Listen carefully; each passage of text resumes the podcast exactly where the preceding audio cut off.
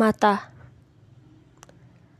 terlampau dalam gelap gulita, tak terlihat dalam angan. Bahkan sanubari tertutup oleh hal yang tak beraturan. Entah apa yang dirasakan dalam diri ini, hingga semua penglihatan menjadi hitam dan putih. Banyak tetesan air mata di penghujung tahun merindu sosok yang belum bisa digambarkan.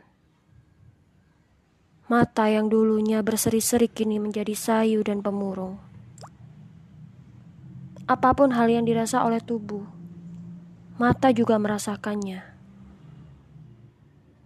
Terkadang ia pun lari dari tanggung jawab yang baik dan menikmati hal-hal yang tak diinginkan.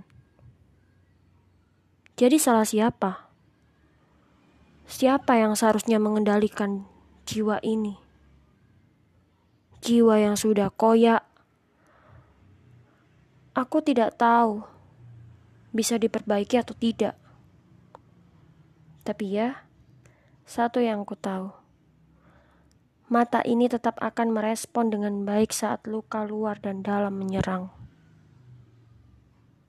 Kamu yang di sana, jika masih memiliki mata yang bersih, tetap jaga dan pertahankan. Jangan rusak ataupun sengaja ingin merusak. Pesan ini dari mata yang sudah koyak dan berusaha untuk diperbaiki lagi.